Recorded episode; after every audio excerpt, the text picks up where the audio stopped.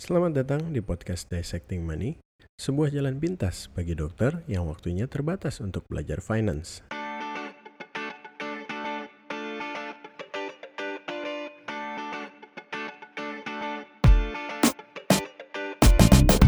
Welcome back Money Dissectors dan kembali lagi di podcast Dissecting Money bersama saya Dr. Jeff Tatobing dan kita sudah sampai di episode ke-19 dan episode ini saya mau kasih judul yang khusus yaitu Be a Disruptive Doctor.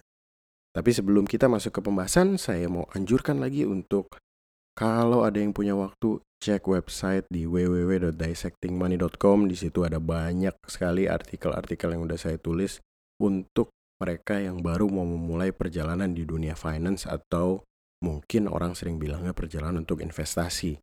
Walaupun sebenarnya menurut saya sih investasi itu jauh lebih dalam daripada itu. Jadi finance secara keseluruhan juga harus dimengerti dulu. Jadi banyak sekali artikelnya yang udah saya sajikan dalam bentuk yang sederhana, bahasa penyampaian yang sederhana. Jadi make sure you check the website out. Dan di situ nanti di homepage juga ada button untuk subscribe kalau misalnya mau mempercayakan email addressnya supaya bisa dapat weekly newsletter dari Dissecting Money. Untuk bonus kepercayaan email tersebut saya akan kirimkan ebook perdana Dissecting Money yang berjudul Pitfalls of Investing Among Doctors dan video budgeting tutorial menggunakan Microsoft Excel yang menurut saya sangat bisa dijadikan dasar untuk mengatur personal finance seorang dokter atau seorang mahasiswa kedokteran bahkan. Jadi jangan lupa untuk subscribe di situ. Dan kalau misalnya ada yang punya pertanyaan dan mau ditanyakan dan mau di play di podcast ini, boleh kirim melalui SpeakPipe di websitenya di speakpipe.com slash dissectingmoney. Tapi kalau ada yang mau kirim pertanyaan via email juga boleh kirim email ke editor at dissectingmoney.com. Nah saya baru aja dapat word words of encouragement dari teman saya gitu sejawat saya yang bilang bahwa podcastnya sangat berarti karena dibanding baca saya lebih mending dengerin podcast. Dan itu bisa dilakukan sambil nyetir sambil olahraga di rumah sambil segala macam lah sambil masak. Jadi itu sangat efisien. Dan uh, ya saya berterima kasih artinya kalau ada yang mendengarkan. Dan untuk sejawat yang baru pertama kali mendengarkan podcast mungkin menurut saya ini suatu gaya yang bisa diadaptasi di dalam hidup gitu ya. Jadi daripada di perjalanan dengerin musik, dengerin radio dengan berita-berita yang kadang-kadang nggak jelas, iklan-iklan kebanyakan, might as well dengerin podcast. Kita bisa dapat ilmu setengah jam, 45 menit di jalan maybe di jalanan kota Anda sekarang ini. Lebih baik sambil belajar, kita jadi nggak buang-buang waktu gitu. Saya sih selalu berpikir seperti itu, bahkan kadang-kadang sambil lari aja, sambil jogging, saya dengerin podcast gitu instead of dengerin musik. So, hopefully podcast Dissecting Money bisa jadi salah satu yang di save dan di follow dan selalu ada di playlist uh, podcast player uh, teman-teman masing-masing terserah di platform apa. Oke, okay, jadi um, saya mau cerita sedikit bahwa untuk episode kali ini saya mau tekankan di kata disruptive doctor. Dan saya mau pesannya itu benar-benar terngiang-ngiang di kepala sejawat dan pendengar sekalian gitu ya. Be a disruptive doctor. In fact, kayaknya saya mau mulai sebuah tagar atau hashtag baru baik itu di Twitter, di Instagram maupun di social media post mana pun yang saya posting, saya akan mulai sesuatu yang namanya hashtag disruptive doctor. Kenapa saya sam sampai mau menekankan disruptive dokter ini segininya? Kita akan masuk lebih dalam dan kita bahas. Jadi, um, seperti teman-teman dan sejawat sekalian sudah sering dengar belakangan ini, kita sedang ada di disruptive era gitu. Dan saya selalu suka belajar dari definisinya dulu. Oke, disruptive itu artinya apa sih? Dan saya lihat di kamus bahasa Inggris online, ternyata disruptive itu artinya adalah disturbance atau problem interrupting an event jadi masalah yang menginterupsi sebuah event, tapi bisa juga diartikan sebagai sesuatu yang inovatif atau groundbreaking. Jadi sesuatu yang baru dan mendobrak lah gitu. Basically disruptive tuh artinya itu. Nah tadi saya bilang bahwa kita sudah masuk di era disruptif. Era apa sih? Kalau ada yang udah pernah dengar ya bagus, cuma yang belum pernah dengar tuh saya mau kasih gambaran. Bahwa era disruptifnya begini, karena kita sedang masuk era di mana Hadirnya internet dan hadirnya sosial media membuat platform-platform baru, cara-cara baru yang merusak cara-cara yang sebelumnya dianggap lazim. Gampangnya gini contohnya, ojek online. Sebelum ada ojek online, kita tahunya adalah ya alat transportasi, ya bus, kereta, kemudian angkutan umum yang mobil omprengan kecil-kecil, dan kemudian ojek atau bajai dan lain sebagainya. Ojeknya ojek panggil gitu ya zaman dulu yang pokoknya harus dipanggil dulu kemudian kita negosiasi harganya dulu tujuannya ke mana baru nanti capai deal baru naik gitu. Nah kemudian hadirlah ojek online. Akhirnya kita udah tahu ya belakangan ini dan itu booming sekali. Sampai cara yang lama yaitu ojek panggil tadi mulai ditinggalkan oleh orang gitu. Karena ya siapa juga yang mau masih harus nego harga lagi. Terus harga dari abang ojek yang satu dengan yang lain belum tentu sama gitu. Tiba-tiba hadir suatu format uh, platform yang menyajikan bahwa oke okay, kita tinggal panggil di mana pun kita berada dia akan baca lokasi kita dia akan cari driver di sekitar kita kemudian sudah dikalkulasi harganya dan kita tinggal bayar via fintech lagi nggak perlu nyiapin cash bahkan. Nah ini ada satu salah satu cara yang merusak dalam tanda kutip cara-cara yang dianggap lazim sebelumnya. Dan salah satu contoh lainnya adalah shopping online. Mungkin orang-orang dulu berpikir bahwa mana ada orang mau beli barang kalau nggak lihat barangnya langsung gitu ya. Mungkin dulu semua retail store berpikir seperti itu. Nggak mungkin lah online shopping tuh laku. Orang kan mau pegang barangnya, kalau baju mau coba dulu. Tapi kita udah lihat belakangan ini bahwa retail store tuh mati. Ojek panggilan tuh practically non-existent. Masih ada cuma ya saya nggak tahu siapa yang masih pakai kecuali yang mau udah langganan keluarga. Itu. Jadi ini yang saya bilang dalam tanda kutip merusak dan menggeser cara-cara yang sebelumnya kita anggap lazim. Makanya dibilang disruptif. Jadi dengan hadirnya hal-hal yang baru ini, kemudian hal-hal yang lama betul-betul tergeser dan kalau yang lama itu tidak mau berubah, maka akan semakin ketinggalan. Jadi itu pengertian dari disruptif sendiri. Jadi kemudian disruptif dokter itu apa? Nanti kita akan masuk ke situ. Menurut saya kedokteran itu selama ini adalah bidang yang relatif belum pernah kesenggol nih sama hal-hal yang disruptif. Tapi dengan hadirnya pandemi COVID-19 ini, justru kedokteran mulai tergelitik menurut saya dan mulai tersenggol. Dan saya jadi berpikir gitu ya, selama ini kedokteran itu tidak terpengaruh oleh hal-hal yang bersifat disruptif, apa karena kita memang aman atau memang kita selalu ada di zona aman dengan cara-cara kita yang dulu yang konvensional gitu ya dengan cara kita praktek, cara kita menjalankan pemeriksaan klinis dan lain sebagainya apakah itu sudah aman? Menurut saya sih mungkin enggak ya. Mungkin dengan mulai tergelitik seperti sekarang ini mungkin akan terjadi perubahan-perubahan yang akan menggeser gaya-gaya yang sudah kita anut selama berabad-abad bahkan gitu. Contohnya gini, dengan hadirnya pandemi COVID-19 ini mulai bergeser dan mulai mencuat yang namanya telemedicine atau teleconsultation.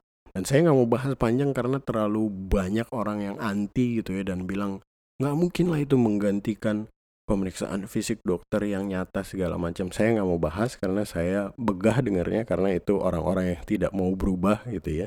Oke lah, kita tahu, semua dokter tahu bahwa itu tidak akan pernah menggantikan pemeriksaan fisik.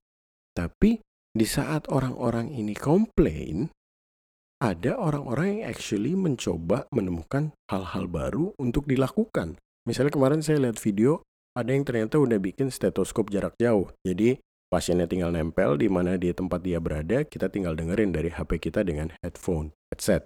Nah, ini kan sesuatu yang daripada kita waste time complaining, lebih baik kita cari tahu cara untuk menyempurnakannya gitu loh. Itu loh maksud saya tuh mungkin dulu orang-orang ojek panggilan juga mikirnya seperti itu gitu. Ah, nggak mungkin lah itu laku ojek online. Cuma nyatanya adalah orang-orang yang merasa mendapat kemudahan dengan platform itu ya akan kemudian bergeser ke platform itu dan makin banyak, makin banyak, makin banyak akhirnya cara yang lama akan ditinggal. Nah, saya nggak mau komen lebih lanjut mengenai telemedicine karena nanti pembahasannya jadi panjang. Kemudian juga mengenai personal branding dari dokter yang sudah beberapa kali berkali-kali saya tekankan, saya suarakan bahwa ini kita lagi ada di dalam perubahan yang besar menurut saya bahwa seorang dokter harus punya personal branding. Kalau enggak, kalau kita terlalu lempeng gitu ya, artinya jadi dokter ya dokter aja, jadi spesialis ya spesialis aja yang dibahas, subspesialis ya kemudian bahasnya itu aja terus kehidupannya seputar itu aja terus. Menurut saya sih sedang terjadi perubahan gitu. Banyak sekali dokter-dokter yang memulai hal-hal yang baru dan itu menjadi sesuatu yang menarik untuk masyarakat dan saya kira itu jadi value juga akhirnya ke pasien gitu. Jadi dia mereka melihat bahwa dokter itu sebagai manusia bukan sekedar orang berjas putih yang kemudian bisa kasih obat gitu. Ini udah berubah banget pandangan masyarakat terhadap dokter sekarang ini. Jadi menurut saya sih kita sudah mulai tersenggol. Dunia kedokteran sudah mulai tersenggol dengan hal-hal yang baru dan bukan tidak mungkin terjadi pergeseran. I might be wrong kalau misalnya memang terjadi kemudian yang terjadi adalah kembali ke konvensional setelah pandemi COVID-19 itu ya nggak apa-apa. Yang penting kita udah banyak belajar daripada uh, branching-branching kita ke hal-hal yang baru tadi. Nah oke, okay. itu sekilas saja mengenai uh, kedokteran itu yang tadinya saya pikir aman tapi sekarang mulai tersenggol.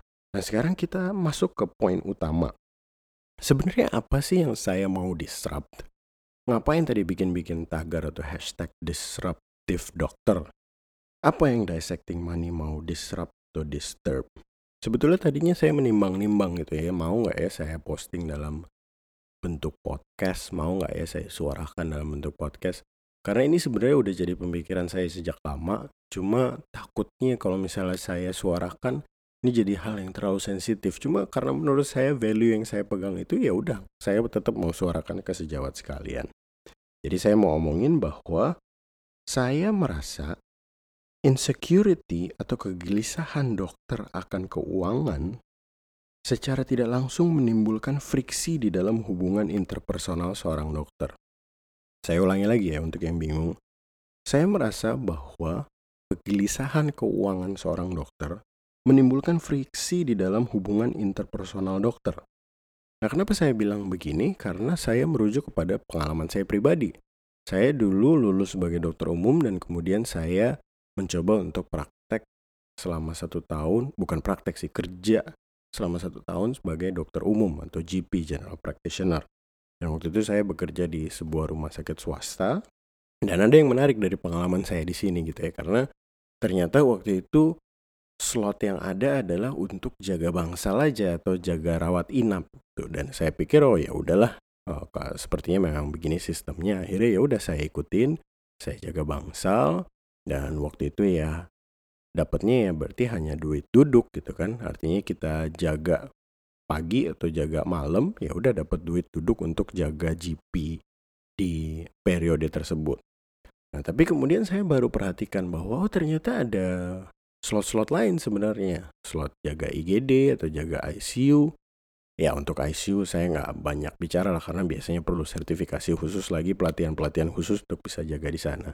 Cuma kemudian saya perhatikan bahwa oh hanya dokter-dokter senior yang boleh jaga IGD.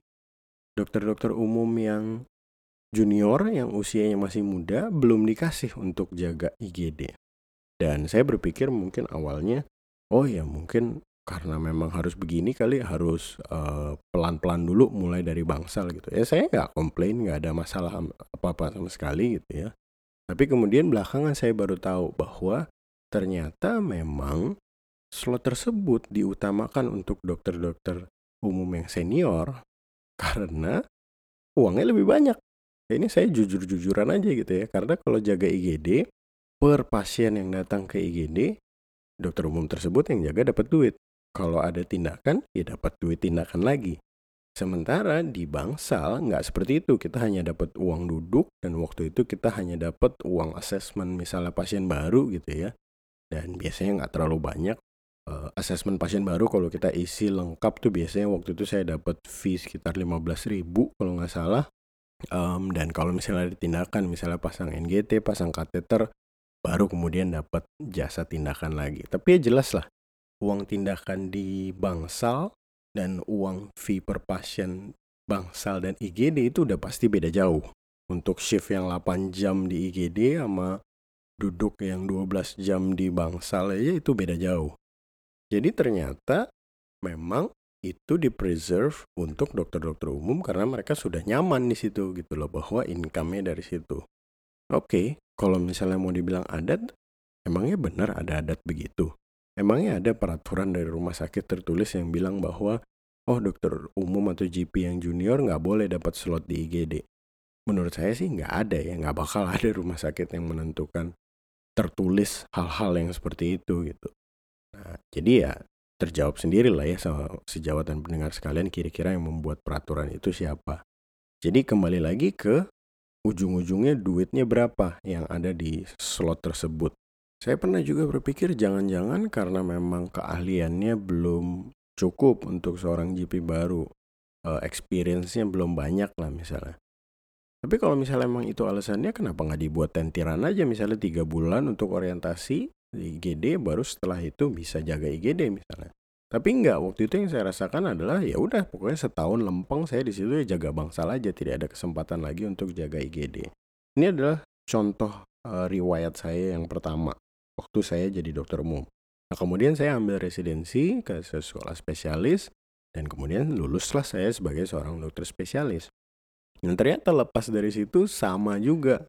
Yang terjadi adalah saya menyadari bahwa untuk seorang dokter spesialis yang baru lulus dan kemudian mencari tempat kerja, yang beruntung adalah mereka yang memang sudah direkrut gitu, misalnya menjadi staf mengajar, misalnya memang sudah ada tempat sebelumnya, udah ada ikatan kerja dan lain sebagainya. Itu mereka nggak usah terlalu pusing, mereka tinggal masuk aja kembali ke rumahnya sebelum sekolah spesialis gitu ya. Tapi untuk yang belum punya, artinya yang lulus kemudian ya udah harus mulai dari nol lagi cari tempat kerja baru ternyata ada tantangan tersendiri gitu. Karena beberapa rumah sakit atau bahkan di beberapa daerah jadi seperti ada lapak khusus gitu ya. Ini saya kira kenyataan pahit yang orang nggak banyak mau ngomongin tapi saya mau ngomongin podcast ini orang nyatanya begitu kok di luar sana gitu. Jadi dokter-dokter spesialis itu seperti bikin ini lapak gue gitu. ini daerah gue ini tempat gue cari duit kalau misalnya lo mau masuk sini lo harus dapat dulu approval dari kita saya sama sekali nggak mempermasalahkan bahwa sebagai seorang lulusan baru kita harus unggah-ungguh, kita harus sopan dan kita harus minta izin. Itu tetap harus dilakukan gitu. Tapi nyatanya adalah sering kali terjadi penolakan gitu. Dan penolakannya itu atas hal yang tidak jelas dan saya ya saya sih sekarang sangat bersyukur karena saya diterima di tempat kerja yang sangat kondusif, hubungan interpersonal kami pun baik Cuma saya banyak dengar cerita dari teman-teman sejawat saya yang mengalami kesulitan karena mau coba kerja di sana ditolak oleh peer group di sana. Nah itu istilahnya udah sering keluar lah peer group. Oh peer groupnya nggak setuju misalnya. Dan biasanya alasannya karena oh kami masih bisa handle kok di sini. Padahal kan sebenarnya kita lagi meminta lapak sama rumah sakit gitu. Siapa bilang lapak itu sebenarnya punya si dokter spesialis yang kerja di rumah sakit tersebut gitu. Ya kecuali kalau dia punya saham di rumah sakit tersebut ya lain cerita lah. Cuma most cases kan enggak. Nah kemudian jadi saya merasakan bahwa kalau misalnya ini terjadi terus, saya nih misalnya saya diperlakukan seperti itu sebagai fresh graduate, maka nanti saya akan menjalankan hari-hari saya, misalnya udah dapat tempat kerja, kemudian nanti suatu saat kalau saya udah cukup senior dan tiba-tiba ada dokter junior yang mau masuk, saya akan mengulangi itu lagi gitu. Oh nggak bisa. Dulu gue susah. Dulu gue setengah mati mau cari lapak. Jadi ini adalah lapak gue. Lo kalau mau masuk ntar dulu. Atau misalnya tunggu nanti gue butuh bantuan dulu. Misalnya gitu ya. Yang sering terjadi kan gitu. Jadi kalau misalnya ini dilakukan terus menerus akan jadi vicious cycle gitu. Baik untuk tadi cerita GP atau dokter spesialis begitu merasakan pahitnya, kemudian kita akan nanti menjadi seperti mereka pada saat ada orang baru yang mau masuk ke tempat kita kerja. Kemudian saya jadi berpikir ya, sorry to say, cuma ini kedokteran atau premanisme pasar? Iya dong, masuk akal dong. Lapak-lapakan, ini lapak gue, ini lapak lu. Itu nggak ada bedanya sama pedagang di pinggir jalan yang sebenarnya lapaknya juga bukan lapak mereka, lapak pemerintah gitu ya, itu trotoar punya pemerintah, cuma karena mereka di situ duluan, ya mereka merasa bahwa itu tempat mereka, orang baru nggak boleh di situ. Padahal hak milik aja enggak. Uh, menurut saya ini sesuatu yang penting untuk diutarakan karena kalau misalnya kita jatuh lagi setiap generasi jatuh lagi ke lubang yang sama itu akan menjadi vicious cycle atau um, lingkaran setan gitu ya akan semuanya jadi seperti itu lagi. Dulu saya berpikir bahwa oke okay, memang begini adatnya. Tapi ternyata setelah kita omongin dengan sejawat yang lain gitu, everyone hates it. Semua orang gak ada yang suka dengan praktek yang seperti ini Bahkan kalau kita tanya ke dokter yang senior pun mereka akan ngomongnya yang kayak iya dulu saya juga begitu. Ya kalau misalnya dulu nggak enak merasakan begitu kenapa kemudian ngepres ke yang bawahnya lagi gitu loh. Itu kan sesuatu yang nggak masuk akal menurut saya. Kemudian akhirnya saya cari tahu kenapa ya vicious cycle ini kok jalan terus nggak bisa diputus. Begini aja tiap era gitu. Keluhan yang dialami sama aja untuk setiap lulusan baru. Kemudian saya cari tahu akar-akarnya dan saya kira sepertinya saya menemukan jawabannya. Yaitu tadi, financial insecurity. Kegelisahan keuangan seorang dokter yang menyebabkan terjadinya hal-hal seperti ini. Karena nggak mungkin, apalagi alasannya. Nggak terima orang baru. Ya pasti karena tadi, kalau misalnya lu masuk lapak gua, nanti jatah gua, pasien gua akan berkurang. Sehingga income gua akan berkurang. Ini yang saya bilang sebagai financial insecurity. Artinya kita runut lagi ke dasarnya. Saya menduga bahwa sebenarnya memang masalahnya personal finance-nya dokter-dokter tersebut yang buruk. Iya dong, misalnya saya punya pendapatan. Saya sebagai dokter spesialis yang sudah praktek 10 tahun. Saya punya rentang gaji misalnya 80 sampai 120 juta per bulan. Kalau misalnya saya bisa mempertahankan lifestyle saya masih di 30 juta per bulan, harusnya secara matematis dengan segala cicilan dan segala macam saya nggak punya masalah gitu. Saya masih ada buffer. Berarti kalau misalnya ada orang yang baru dan misalnya nih terus pendapatan saya berkurang, by the way menurut saya that's not the case. Kalau misalnya ada orang baru itu bukan artinya otomatis artinya jatah kita sebagai dokter jadi berkurang. Menurut saya justru enggak. Kita dapat seseorang baru dengan wawasan yang baru bisa berpikir hal-hal yang baru sehingga kemudian kita bisa berembuk sebagai tim dan membuat hal-hal baru sehingga semakin banyak pasien yang tertarik dengan apa yang kita miliki di rumah sakit atau di tempat kita bekerja tersebut. Jadi sama sekali nggak menurut saya pemikiran bahwa dengan adanya orang baru artinya pendapatan berkurang itu sama sekali nggak masuk akal. Kembali lagi, karena itu nggak masuk akal, jadinya sebenarnya menurut saya yang dijadi masalah adalah financial insecurity. Karena kita takut bahwa oh pendapatan kita nanti akan berkurang. Gimana dengan cicilan saya yang ada sekarang yang belum lunas? Gimana dengan lifestyle saya yang masih harus dicukupi setiap bulannya sekian? Jadi sebenarnya kalau personal finance-nya beres, harusnya itu nggak ada masalah. Secara psikis pun si dokter juga nggak akan ada masalah melakukan prakteknya tiap hari. M mungkin justru malah merasa terbantu gitu ya. Seseorang yang personal finance-nya udah bagus, tahu dengan gajinya sekarang oh cukup kok dengan lifestyle saya, lifestyle saya cicilan saya juga cukup dengan adanya orang baru mungkin dia justru akan merasa terbantu gitu workloadnya jadi berkurang dia jadi lebih enak untuk mengatur jam kerja sehingga bisa mengerjakan hal-hal yang lain bisa menikmati hidup dan personal finance-nya udah beres karena dia udah beresin sebelumnya saya jadi terbayang cerita saya di artikel blog salah satu yang saya bilang berandai-andai ada seseorang yang namanya dokter kaya, SPOT yang dikejar-kejar cicilan.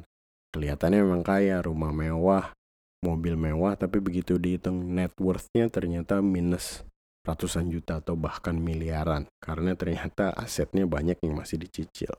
Jadi financial insecurity ini sangat penting menurut saya. Dan ini yang menyebabkan vicious cycle atau lingkaran setan yang terus menerus terjadi sehingga sorry to say lagi kedokteran jadi seperti nggak ada bedanya sama premanisme pasar. Everyone hates it, but no one's doing anything. Jadi saya merasa, oh udah, daripada nggak ada yang melakukan apa-apa, lebih baik saya suarakan aja analisa saya dan kenapa menurut saya financial insecurity adalah akar dari semuanya ini. So I'm doing my thing by making this podcast Because I want to change this. Saya mau merubah vicious cycle tadi. Saya mau memutus lingkaran setan tadi. Jangan sampai ke depannya generasi-generasi saya dan di bawah saya masih merasakan hal tersebut. Dan ini bersangkutan juga sebenarnya dengan personal brand. Karena saya belajar bahwa personal branding itu kita uh, misalnya kita punya logo gitu ya di logo dissecting money di mana sejawat bisa lihat logonya logo itu sebenarnya di personal branding itu melambangkan kepercayaan kepercayaan dari market kita terhadap kita. Dalam hal ini saya bikin dissecting money dan kemudian ada pembaca blog, ada pendengar podcast, dan ada teman-teman di grup telegram dan lain sebagainya. Itu adalah logo saya melambangkan kepercayaan mereka terhadap saya. Dan kemudian saya mau bahas lagi nih mengenai logo saya. Ini logo itu kan lingkaran, kemudian kuning, ada dolarnya sebenarnya di belakangnya kalau kelihatan dan kemudian ada tangan surgeon yang menyayat uang tersebut. Makanya namanya dissecting money. Nah, jadi ini sebenarnya adalah disruption saya. This is my disruption. Dissecting money is my disruption to this whole thing. Karena kalau misalnya intinya adalah seorang dokter spesialis yang mau jadi kaya misalnya, saya nggak perlu bikin logo dissecting money kayak gitu. Saya bikin logo aja seorang dokter yang sedang mandi uang. Tapi kan bukan itu sebenarnya saya mau tuju dengan semua ini. Yang saya mau tuju adalah setiap dokter bisa punya literasi keuangan yang baik, sehingga personal finance-nya bisa baik, sehingga dia tidak perlu merasakan financial insecurity jatuh ke lubang yang sama seperti kasus-kasus yang saya ceritakan tadi. Jadi logo itu betul-betul saya mau menyayat bagaimana cara dokter memandang uang selama ini. Dan menurut saya itu udah salah kaprah dan baru pada saat saya lulus dan saya baca buku baru ternyata saya lihat bahwa benar dokter itu selalu jadi korban lifestyle dan pada akhirnya investasi juga nggak belajar jadilah doctors are poor investors seperti yang selalu saya bilang. Jadi untuk pendengar, this is my disruption and I believe that it doesn't have to be like that. Nggak perlu terjadi lagi banyak financial insecurity di tengah-tengah dokter-dokter di luar sana yang kemudian akhirnya menyebabkan friksi gitu. Baik antara sejawat yang seumuran atau bahkan di dalam hubungan senior dan junior. Doesn't have to be like that. Let's change it. Let's disrupt this. Tanda kutip adat tadi ya sering kali semuanya yang beginian terus kita lindungi dengan atau dengan istilah dalam tanda kutip adatnya sudah begitu Menurut saya enggak, so we can change this. Makanya saya tekankan saya mau mulai suatu tagar atau hashtag yang namanya disruptive doctor. So be a disruptive doctor. Caranya gimana supaya kita bisa jadi disruptive doctor? Lagi-lagi bukan artinya terus kita jadi kurang ajar terus menyeruak masuk kerja minta kerja di luar sana. Enggak, tetap sopan santunnya tetap harus ada. Tapi menurut saya cara kita memperbaikinya justru adalah memperbaiki diri kita sendiri. Nggak usah lihat-lihat orang di luar sana. Terserah mereka mau bikin hidup orang lain susah, itu urusan mereka. Cuma perbaikilah diri kita sendiri. Gimana caranya? Take care of your personal finance. And you wouldn't have to mess about other people's income.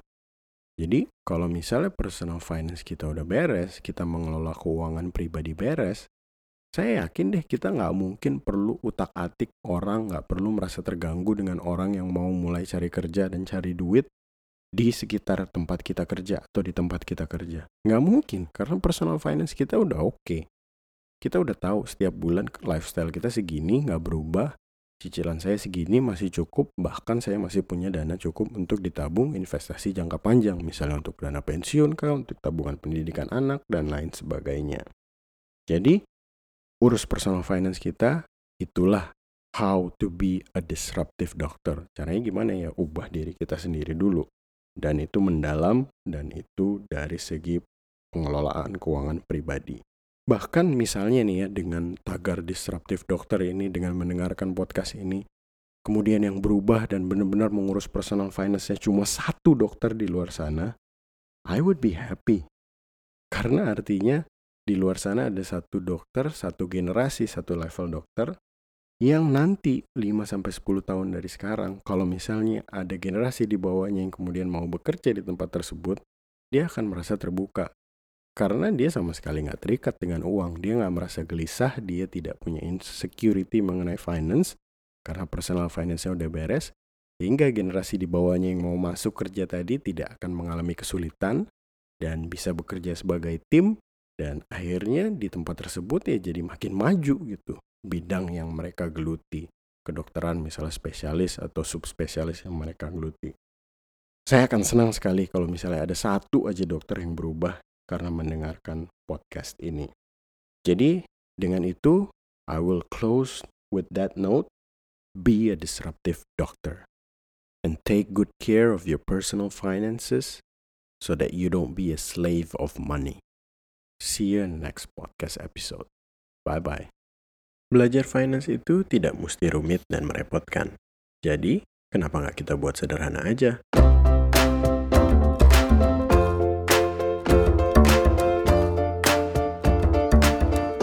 Sedikit disclaimer bahwa saya, Dr. Jeff Tatobing, adalah seorang spesialis ortopedi. Saya bukanlah financial planner atau akuntan, ataupun pengacara keuangan atau bisnis. Sehingga informasi yang Anda dengar di podcast ini biarlah untuk bahan informasi dan untuk senang-senang saja. Jangan dijadikan saran keuangan yang formal.